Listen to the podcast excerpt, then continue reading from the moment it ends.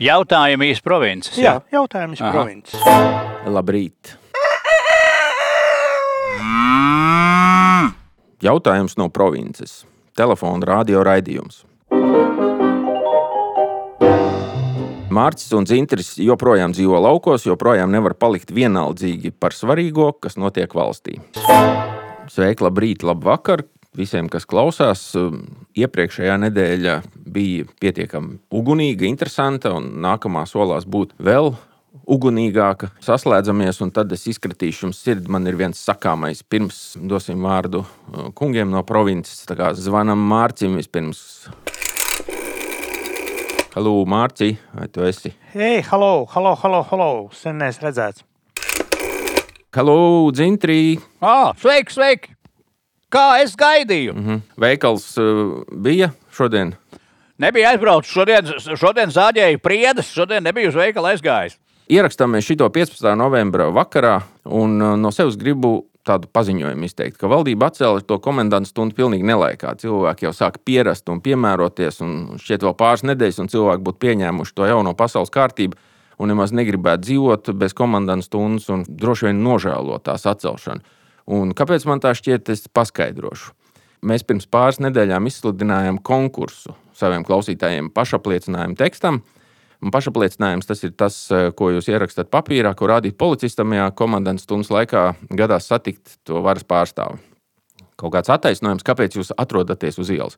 Mūsu konkursā bija balvas, divas grāmatas, Indriča Latvieša bailes, četri nāve un uh, slavenā krievu komiķa Jurīņa Kuļina biogrāfija latviešu valodā. Uh, Bet klausītāji bija diezgan inerti. Laikam atlika to piedalīšanos konkursā, jo daudziem varbūt šķita, ka tā nevar būt, kā solīja valdība. Tā komandanta stunda beigsies, jo tā kā sola valdība nekad nav. Nu, bet šoreiz tā valdība cilvēks pārsteidz nesagatavots, un tiešām 15. novembris klāts, komandanta stunda atcelta. Nu, un tad pēdējā vakarā, burtiski pēdējās stundās, ienāca vairāki ļoti labi, nu, tiešām ticami pašapliecinājumi teksti. Šķiet, ka cilvēki mēģināja izbaudīt pēdējos komandantu stundas brīžus un vēl pagūt izdarīt to, ko zaļajā režīmā vairs nevarēs. Kāda Beāta eh, rakstīja ļoti, manuprāt, labu iemeslu pašapliecinājumam. Ķīšezerā uzrādījis bebrs, draņķis pa nakti grauž koku, eju sargāt koku. Nu, es domāju, ļoti ticams. Jā. Neviens policists vai neviens dabas draugs nevarētu pret šito neko iebilst. un Cilvēks noteikti var doties pa nakti sargāt kokus no bebriem. Un viena autore, Laura, mums iesūtīja vairākus tos sūtījumus. Viņa bija turējusies pie tā ieteikuma, ko Dzintris bija teicis. Viņa centās rakstīt pēc iespējas īsi, kodolīgi. Un es domāju, ka Dzintrim varētu patikt daži no šiem variantiem. Tātad, pirmais, dodos pie veselības ministra pēc žults, iekavās kvotas. Nākamais bija tiešām labs, manuprāt, izjūtu spēcīgu politisko spiedienu. Jā, jā. Ja. Nevis Nu, hidrostatiskais. pēdējais ir vienkārši dzintara stilā, droši vien veltīts eh, dzintrim kolātam. Laura tad, tad raksta Nothing Special. Tas ar- arī labs, bet tad, tas vidējais man Labs, jā? es par vidējo balsotu. Tas par spiedienu, tas ir, jā, jā. protams. mm. par spiedienu. Tas varētu būt tas uzvarētājs. Jā. Vārds sakot, konkurss tikko bija uzņēmis apgriezienu, bet nu nākās to nobremzēt, piebremzēt, izsniegt veicināšanas balvas tiem klausītājiem, kur piedalījās. Bet tiem, kuri nepagūda, gribu pateikt, lai neuztraucās, nu, dienu nešķiet, ka šis būs pēdējais lockdown šo ziemu. Tikko komandantas stunda atjaunosies, mēs atsāksim savu konkursu, vai ne? Viennozīmīgi, obligāti. Protams, lieta. Šķiet, ka viena no mūsu pagājušā raidījuma tēmām ir uh, ieguvusi kādu jaunu skanējumu vai kādu. Ja tu domā mūsu mazliet panaivi pagājušā reizē iesākto, iesākto domu apmaiņu par, par eh, Rīgas, iespējams, Kronvalda vai iespējams kongresa vai kādu tur koncertu zāli, tad tas ir tas, jā, ko, es, ko es domāju un ko mēs labi varam turpināt. Jo mēs bijām diezgan naivi bijuši, pārspriežot un paši sevi, nu, tā kā postamentējot, kā labi zinātājs, ka esot eh, nu, divas šīs versijas pa koncertu zālēm, viena tur tajā tagadējā kongresa namā, un otra tur laikam tajā bijušajā komunistu namā. Bet tomēr izrādās, ka lieta nav tik vienkārša. Tā tad eh, LSM portālā ir materiāls par, eh, par to koncertu zāli. Es mēģināšu pēc iespējas vienkāršāk, bet es pilnīgi nemaz neceru, ka tam visam varēs izsekot līdzi. Uzsveru vien to, ka īstenībā tās koncerta zāles manā ieskatā tur ir vismaz sešas iespējams, bet ir tā. Pirmo teikumu mēs visi sapratīsim. Līdz šī gada beigām jābūt skaidrībai, vai akustisko koncertu zāli izvietos kongresnamā. Lietu informēja Rīgas domas attīstības komitejas vadītāja Andersona no jaunās vienotības. Un tad īsumā tie, tie, tas pašreizējais stāvoklis. Rīgas nami, tā laikam ir sija, kas nu, Rīgas domas paspārnē darbojas.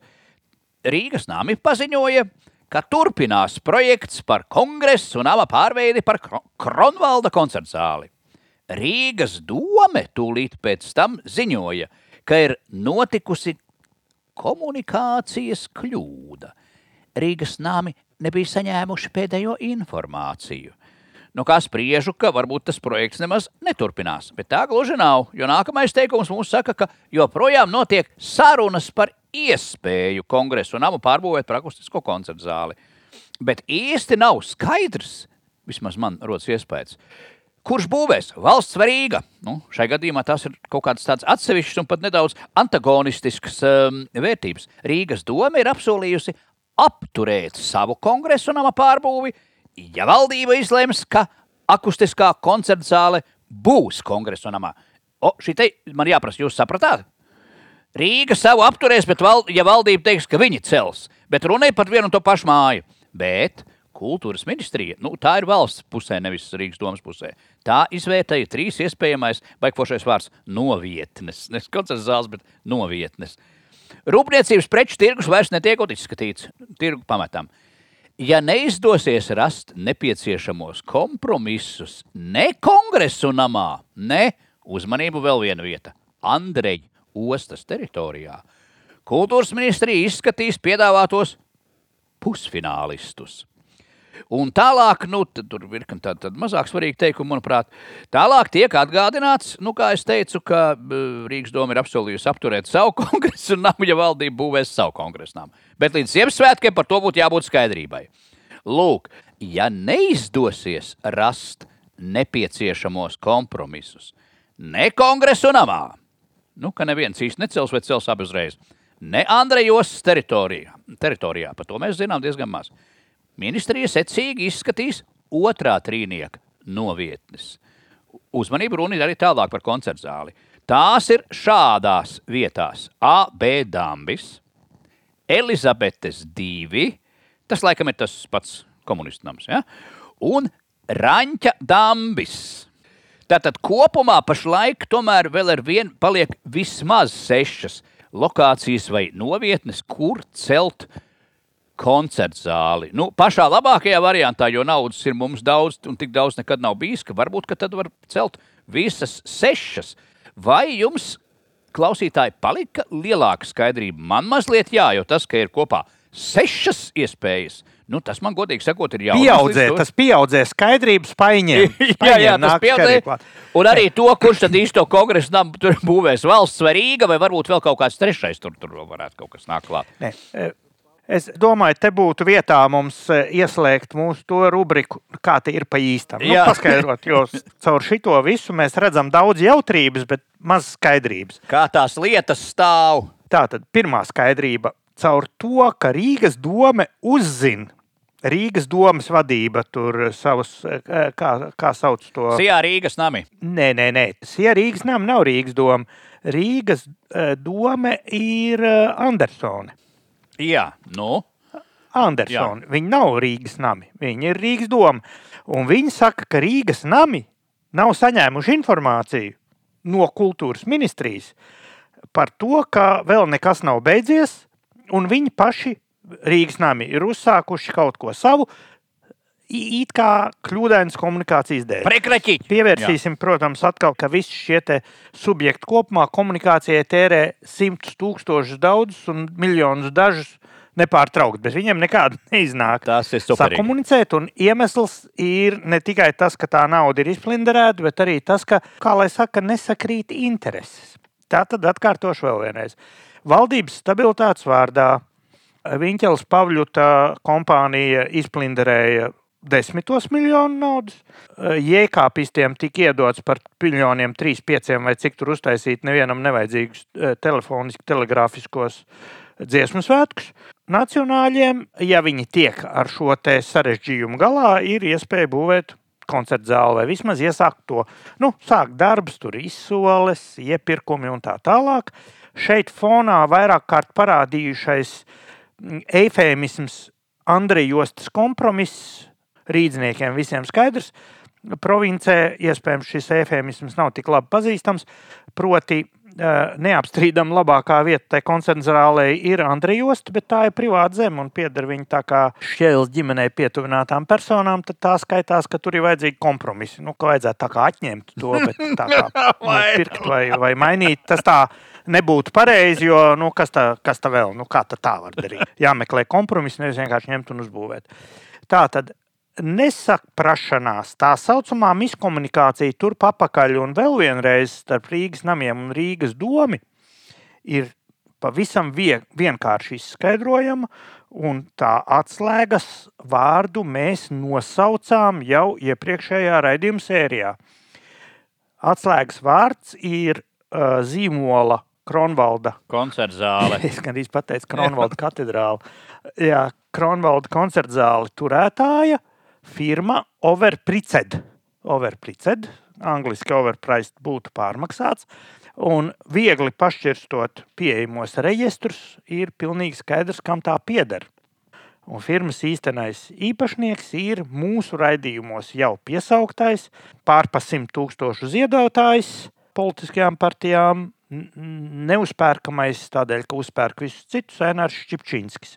Vienlaicīgi arī savas dzīves biedras eh, ievedējis saimā, kur viņa eh, gan nevienmēr zina, ko viņi tur dara, bet nu, balso vienmēr diezgan pareizi. Aizstāvot vienmēr, kad jāaizstāv Bondars, aizstāv Bondaru, kad jāaizstāv Pūcis, aizstāv Pūcis. Un sakot, uzvedās, Korekti, jā. uzvedās ļoti labi. Tā tad atšķirībā no veciem laikiem, kad Ainārs Čepčinskis ziedoja jaunajam laikam, tur pa 18 un pa 16 tūkstošu lašiem, Latvijas attīstībai ik pa brīžam pa lielākām vai mazākām summām.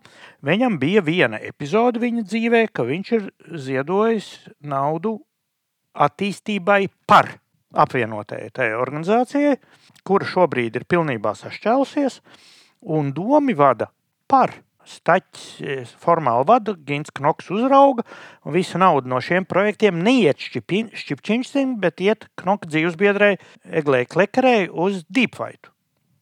Un lai šitais neatkārtotos, tad pēkšņi Rīgas nami, kuri nav dzirdējuši ne par kultūras ministriju un ne par Rīgas domas iesaist visā šajā, pēkšņi nolem paši uz savu roku pārbūvēt kongresnam par 14,5 miljoniem, un tā skaitā nezinām, bet nu, gan jau ka sešciparu summu atvēlot Aināram Šķivčinsim, kurš pēdējās divas maksājumus 20. un 21. gadā ir maksājis tieši Latvijas attīstībai un nekādai tur attīstībai par. Tas ir šī tik vienkārši, nevajag sarežģīt. Kašķis attīstības par iekšpusē attīstas un pieņem nu, tiešām farsa uh, līmeni, kad uh, Izrādās, ka ir LSMā jāpublicē ziņa, kur astoņās vietās ir atkārtots, ka nav notikusi komunikācijas starp Rīgas namiem un Rīgas domu.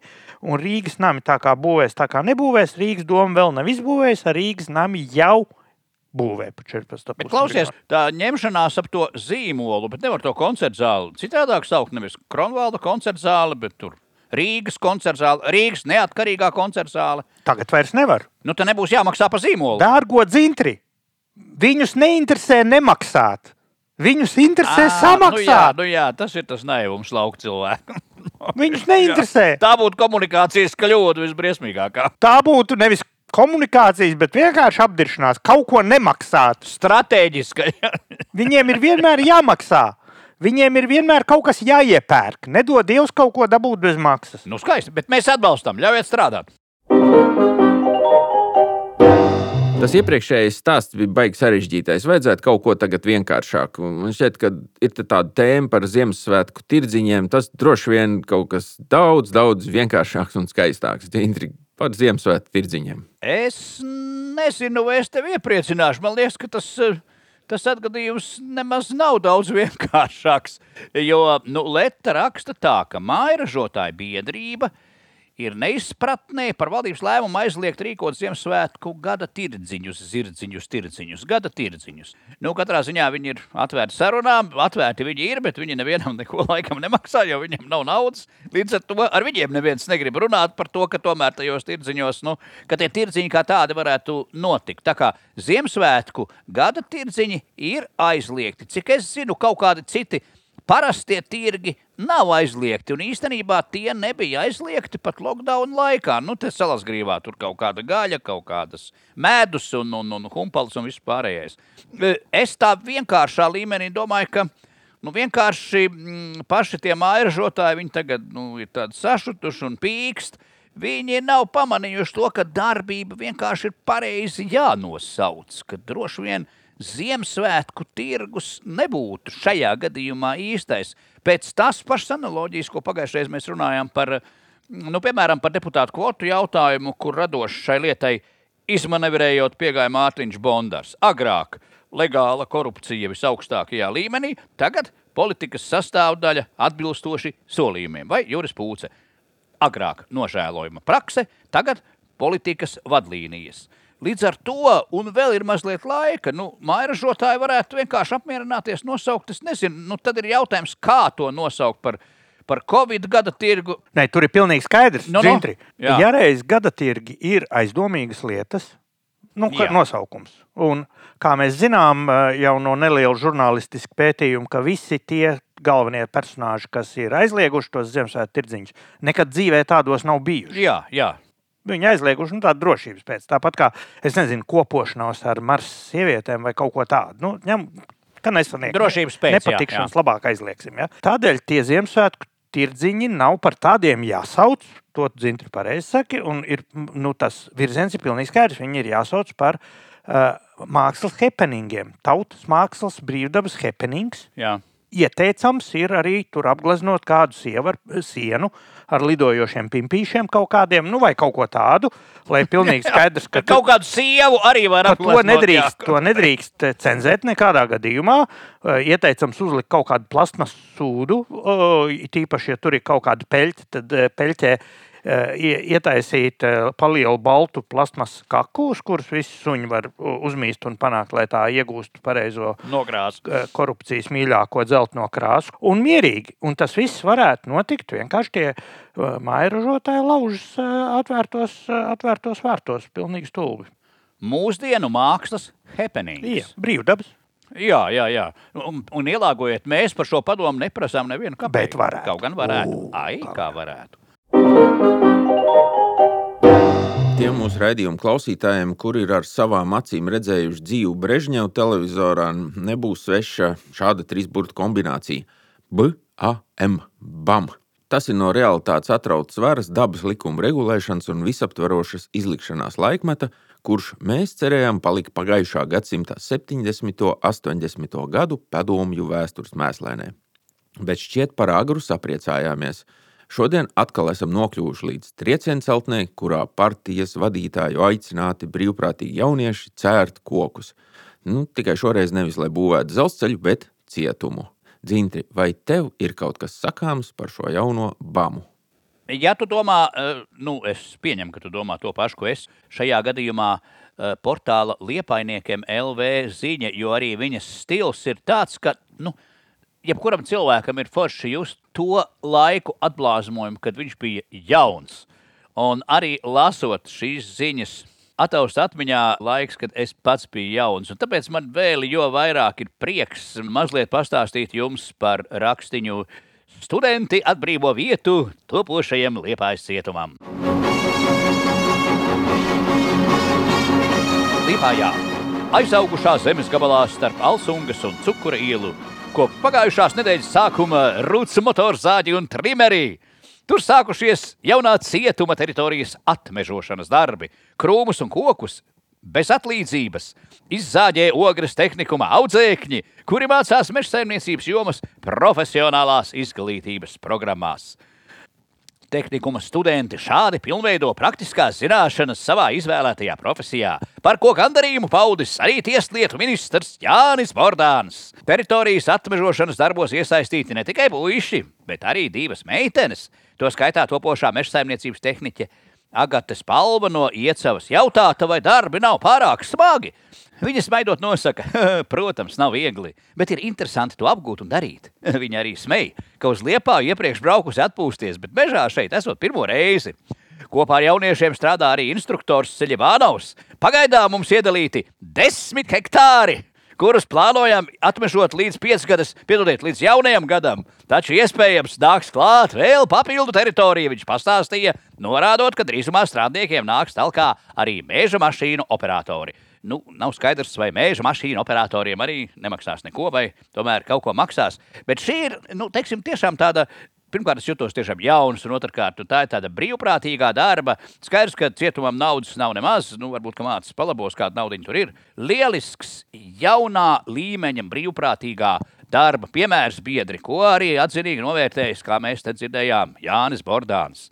Lūk, kungi, Jā, kas notiek Lietuvā. Tā asociācija plūsma, protams, tiem, kas politisko vēsturi Latvijas ir kādreiz šķirstījuši, uzreiz to grib asociēt ar Ulmaņa apvērsumu un Liepājas koncentrācijas nometni. Tā tad eh, apvērsums 34. gadā notika naktī no 15. un 16. maija, un jau ap 18. maiju bija arestēti ap 2000 cilvēku, no kuriem 400 tika izvietoti Liepājas nometnē, kur vēlāk sāk saukt par koncentrācijas nometni, kura atradās karostā. Jo tur bija armijas kazarmas un eh, uzbūvēja žogu, un iekšā ielika 400 cilvēkus, par ko paši paši sociāldemokrāti savā šajā pārskatā raksta, ka lielākā daļa ieslodzīto, 322, jeb 87% bija vai nu tieši sociāldemokrātiskās strādnieku partijas, vai ar to saistītu biedrību un arotbiedrību dalībnieki. Un es šo stāstu atcerējos, kāpēc šobrīd ir jātaisa cietums un nevar izlīdzēties ar lētākām metodēm, jo toreiz Kā jūs saprotat, 2000 bija arestēto 400 liepājas to, bet 1600 kaut kur citur. Un Liepājas apkārtnē bija tāda urbānā leģenda, ka izšķirošā vieta ir bijusi Rīva. Rīva pati tek pa baigiem mežiem, purviem vidusdaļā, lejasdaļā, un to šķērsoja kādreiz svarīga dzelzceļa līnija Liepāja Vēnspils. Un ar to saistās visādi stāsti un basņas. Jebkurā gadījumā Rīgas stacija pati ir izbūvēta pilnīgi oficiāli 34. gadā. Es pievēršu uzmanību. Tuvākā stacija ir Alsunga dienvidu 11 km uz vienu pusi un Liepājas virzienā Upenieka pieturas punkts 7 km. Tas ir 18 km attālumā. Tur īsti dzīvības nav uz tās līnijas, un viņi iet pa vietām, kur nevar piebraukt pa ceļiem. Un tā leģenda ir, ka Rīvā tika izvietoti tādi sociāldemokrāti, par kuriem bija zināms bažas, ka viņi varētu tā kā aizmukt un šo un ko, un viņi tur esot uzturējušies. Tā tāda leģenda. Pēc tam padomu laikā tur uzbūvēja karjeru, izbūvēja piebūvējumos ceļus un piebraucamos ceļus, un, un līdz ar to tas šarms, ka tur ir pilnīgi izolēta vieta. Šis tika zaudēts, vēl vairāk dzelzceļš tika Šis lēmums ir 96. gadā ir slēgts, un pašas sliedas arī tagad ir nomontētas. Eh, šķiet, ka šī gadsimta pirmajā desmitgadē pārējā līnija ir nojaukta, kā raksta Wikipēdija, 2009. gada beigās. Līdz ar to nekādu koncentrācijas nometni tur iekārtot vairs nevar. Līdz ar to ogres studentiem un jauniešiem brīvprātīgi un ar dziesmu ir jādodas palīgā būvēt liepais cietums, jo tas būs ļoti vajadzīgs, it īpaši, nu, ja tie nenāks pie prāta, nu, tie visi, kas iebilst mūsu loģiskai, sakarīgajai un bezgala stabili izjustajai valdībai. Skaidrs, ka pretošanās varai tā ir kaitīga lieta, un liepais cietums, bet vairs ne Rīvas dzelzceļa stacija mums to varētu ar laiku nodrošināt. Apmēram tam. Ko tu biji domājis ar pretošanos? Par ko būtu jāpretojās? Te izskatās, ka uh, pēkšņi sasparojies ir mūsu sen neapsmaidītais deputāts Kaimiņš, kurš līdz šim bija mūsu pozīcijās. Viņš atbalstīja, tāpat kā atbalstīja, viņa jā. bēdu brālis aiz restēm paturētais finanšu ministrijas eh, parlamentārais sekretārs bezparteiskais eh, Jēkabpils aristokrāts Zakatistovs viscaur atbalstīja valdību un, un deputāts Kaimiņš arī būdams pilnīgi neatkarīgs, bet ļoti neatkarīgi atbalstīja valdību un te pēkšņi viņš ir nobalsojis pret. Dēļ kaut kādiem iemesliem var atņemt deputātam mandātu ne uz tā pamata, ka viņš tur ir krimināls kaut ko nozadzis vai, vai, vai spiegojis, Bet nu, tā ir, ka viņš nu, kaut kā nepatīk tiem pārējiem. Nu, šajā gadījumā, eh, kuri nav potējušies. Un uh, deputāts Kaimiņš ir nevis paslepeni izgājis no zāles, it kā kā kaut ko atkal nofilmēt toaletē, vai nu, kā, kādas viņam nu, tur tās aktivitātes bija, bet vienkārši ņēmis, nobalsojis pret. Uh, līdz ar to tas varētu būt tāds āķītis, intrigai turpmākajām mūsu sērijām, rubrikā, kas pa īstam ir noticis. Jo līdz šim JKP maigā vara bija iespiedusi šiem biedriem nu, tādas jūtīgas ķermeņa daļas tā, ka viņi visu laiku godīgi balsoja par. Un tagad izrādās, ka histēriskai JKP kompānijai, kas ņemās pašlaik par rubli, viņiem varētu būt, ka tas tvēriens, apakšējais tvēriens kaut kā ir atslābis un deputāts kaimiņš atļauj šitādu vaļību. Tas noteikti nav nejauši, tur noteikti ir apakšā kaut kas, ko vecrīgs bezdrāts telegrāfs mums izpaudīs, un pēc nedēļas vai divām mēs varēsim atkal rubrikā, kas tad bija pa īstam, šo situāciju apgaismot eh, visiem mūsu provinces klausītājiem. Bet es galvenais gribēju vērst uzmanību, ka parastais blakus variants, ka redzamākos sociāldemokrātus tur liepājā un tādus uh, naigākus, bet bīstamākus rīvā, ka tas neiet cauri vairs. Tur ir tas dēļ, dēļ dzelzceļa nojaukšanas. Nu, jāļauj studentiem strādāt, nu, tas jau pats par sevi ir. Lai tie ogri studenti ir priecīgi, ka viņi var atmežot kaut ko nu, cietumam, nevis cietumā. Tā kā filtrēt tekstu vajag. Ja. Un, un ļaujiet kaimiņam strādāt, lai arī mums būtu kāds interesants materiāls nākamajam raidījumam. Jā. Mēs esam viņa pusē no paša sākuma. Kaut gan es īsti neesmu par to ļaušanu strādāt viņam. Добрый вечер. Здравствуйте, товарищи. Pagājušā nedēļā notika vēl viens svarīgs un ievērojams notikums. Mūsu brīvajā telefonā studijā 234, 767, ienāca zvans no klausītāja, kuram bija kaut kas sakrājies uz sirds. Viņš gribēja ierosināt eh, karstu tēmu. Es iedevu mūsu eksperta vietas izpildītājai Mārcim uzdevumu sagatavot sarunu un mēs uh, ierakstījām interesantu diskusiju, tūlīt nospēlēsim jums tādu garāku fragment no mūsu sarunas, kurā uzzināsiet, ka, ja dzīvojat daudz dzīvokļu mājā, un līdz šim jums bija jāmaksā noma par dalītā īpašuma zemi, tad 1. janvārī jūs varat iekļūt ļaunprātīgo nemaksātāju sarakstos. Kā tas ir iespējams? Klausāmies sarunu. Tā, sveicināti! Mēs esam sazvanījuši šodienas viesi lūksim iepazīstināt viņu ar sevi, un tad eh, dodam vārdu mūsu ekspertam Mārcim. Jā, Zvaigznes advokāts Normons Šlitke pārsvarā pārstāv eh, zemes īpašnieku intereses tādos saucamos dalītos īpašumos. À, vai tas, tas nav tas pats Šlitks kungs, kas te ilgus gadus terorizēja puruciem vienkāršo tautu? Kā jums ir Šlitks kungs pa šo laiku gājis? Vai esiet nu tagad galīgi izputējis? Nu, galīgi nē, bet nu, lēnā garā Putina man jā. Jā, bet vai jūs atceraties, ma, man ar jums bija pagaidām mārciņas, vispirms, no, lai emocijas noplok. Jā, jā, jā, jā, jā. Uh, mums ar jums bija kādreiz saruna. Arī es, kā vienkārši cilvēks, dzīvoju kādā no puruciem mazajām mājiņām. Un tad man pārsteidza pēkšņi vēstule, ka man jāmaksā jums kaut kāda nauda. Runa bija par to, ko mēs šovakar laikam skaidrosim. Uh, par to kaut kādu mazo zemes pleķīti, kas zem mūsu mājas pieder Šlitkas kungam. Nu, mana dzīvokļa vērtība, tur jau citi tie dzīvokļi vēl ir. Un tad es teicu, ka es to nevarēšu nomaksāt, un droši vien man izmetīs uz ielas. No viņa reakcijas varēja saprast, ka viņu nemaz neinteresē, ka mani izliks uz ielas. Es vēl kaut kur, parakājoties vecās nemazgātās drēbēs, atradu kaut kādu naudu un laikam to visu nokārtoju.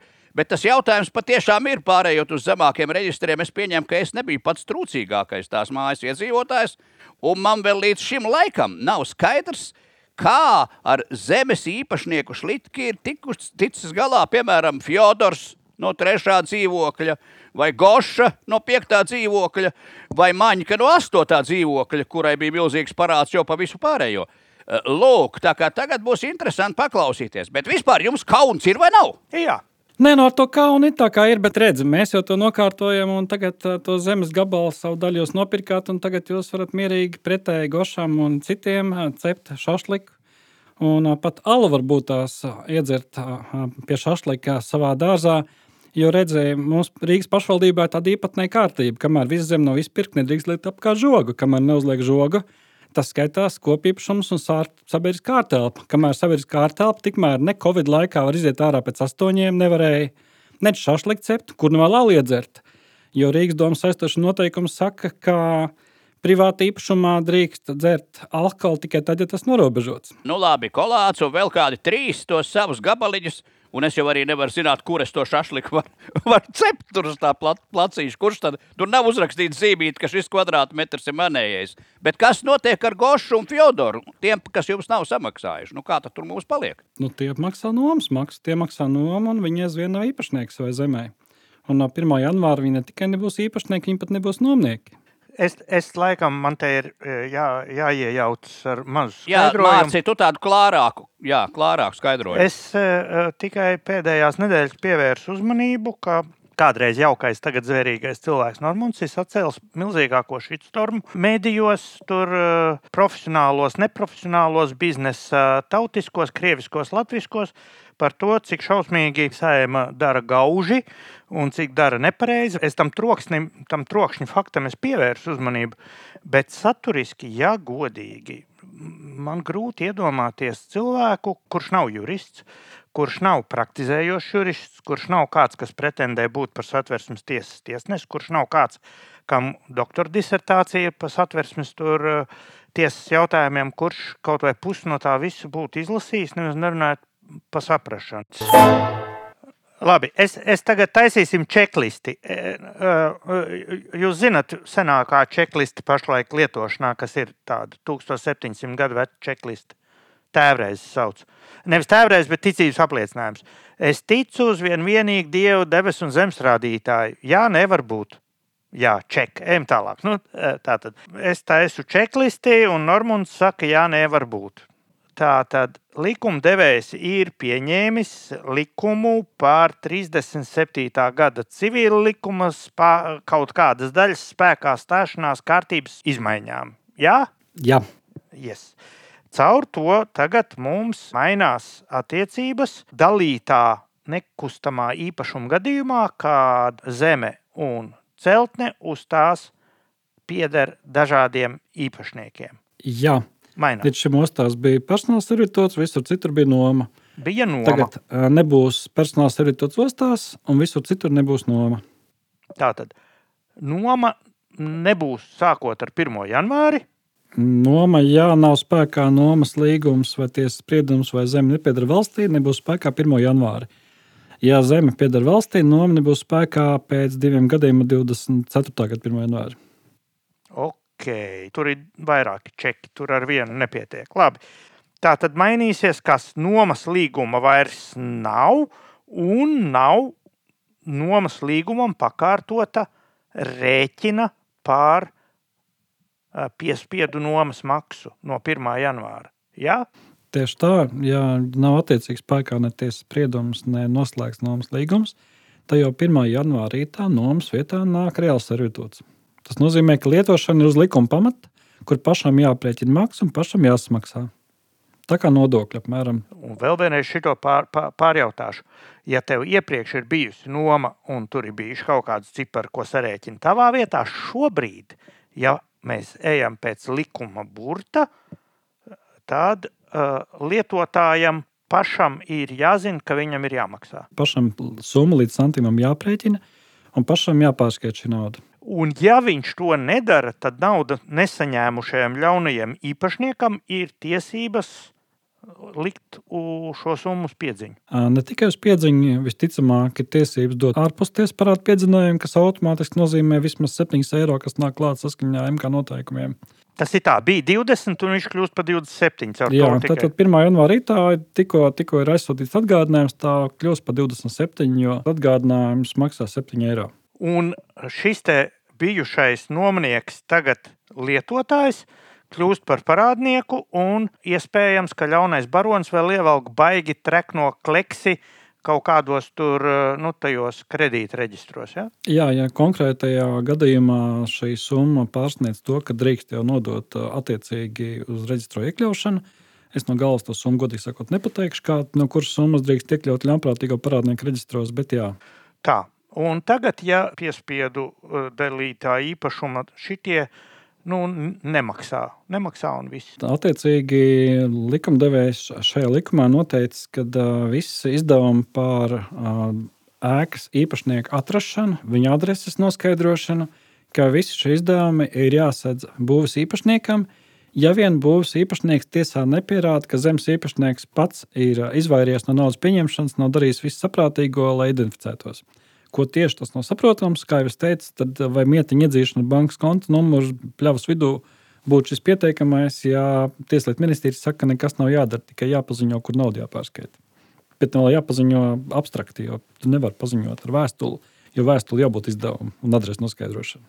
Tā, e, atļaušos izteikt pieņēmumu, ka šī kārtība tāda nepaliks. E, un ne tādēļ, ka tur būs ceļš uz skaidrību, Satversmes tiesa var pielemt kaut ko tādu, ka iestājas lielāka skaidrība? Jā, nevar būt. Satversmes tiesa šodien ir pieņēmusi spriedumu, kur no paša 2005. gada viena likuma ir atcēlus, kas ir ļoti, ļoti redzams gadījums, ka satversmes tiesa atcēla likumu, kas spēkā bija 16 gadi. Tā kā paredzēt, ko tieši lemj satversmes tiesa, mēs nevaram neviens. Lai gan šai brīdī, kad likumdevējs faktiski nodarbojas ar tādu brāķu radīšanu, tad satversmes tiesa mums ir kā tā pēdējā panacēja un pēdējais cerības stariņš. Jo satversmes tiesas skaidrojums ir obligāts visiem, ieskaitot tiesas. Līdz ar to, protams, kad satversmes tiesa varētu izskaidrot, un šis skaidrojums pēc tam būtu saistošs visiem. Man šķiet, ka sliktas situācijas risināšana caur situācijas sarežģīšanu nu, pie laba gala nevedīs visā šajā. Tā bija daļa no sarunas par to, kas pēc 1. janvāra sagaida dzīvokļu īpašniekus. Ja vēlaties mēģināt izprast saimnes simts grūto galvu rūpes par jums un pasargāt sevi, meklējiet norādi šīs sērijas aprakstā un noklausieties sarunu pilnā garumā. Paldies par šo garo raidījumu, kurš nu, nekādā veidā nepalīdzēja ieviest kaut kādu skaidrību. Gribu no savas puses novēlēt gan klausītājiem, gan jums abiem priecīgus svētkus, kas ir šī raidījuma nedēļā, un dzintrim gatavoties savam lielajam, kārtējam, lielajam ceļojumam uz Āfriku. Jā, es bez grupa braucu uz Tanzāniju, paskatīties, kā viņi karo ar covid un, un, un daudz citas lietas noskaidrot, kam tur ļaut strādāt un kam tomēr nē. Varbūt tu mums atradīsi kaut kādu jaunu to paveidu, lai. jā, jā, jā, jā, arī tas, arī tas, protams nu, var sakot, gaidīsim tevi atpakaļ ar kādu jaunu paveidu, un, un pagaidām atvadāmies no saviem klausītājiem līdz nākamajai nedēļai. Visu labu! Atā! Atā!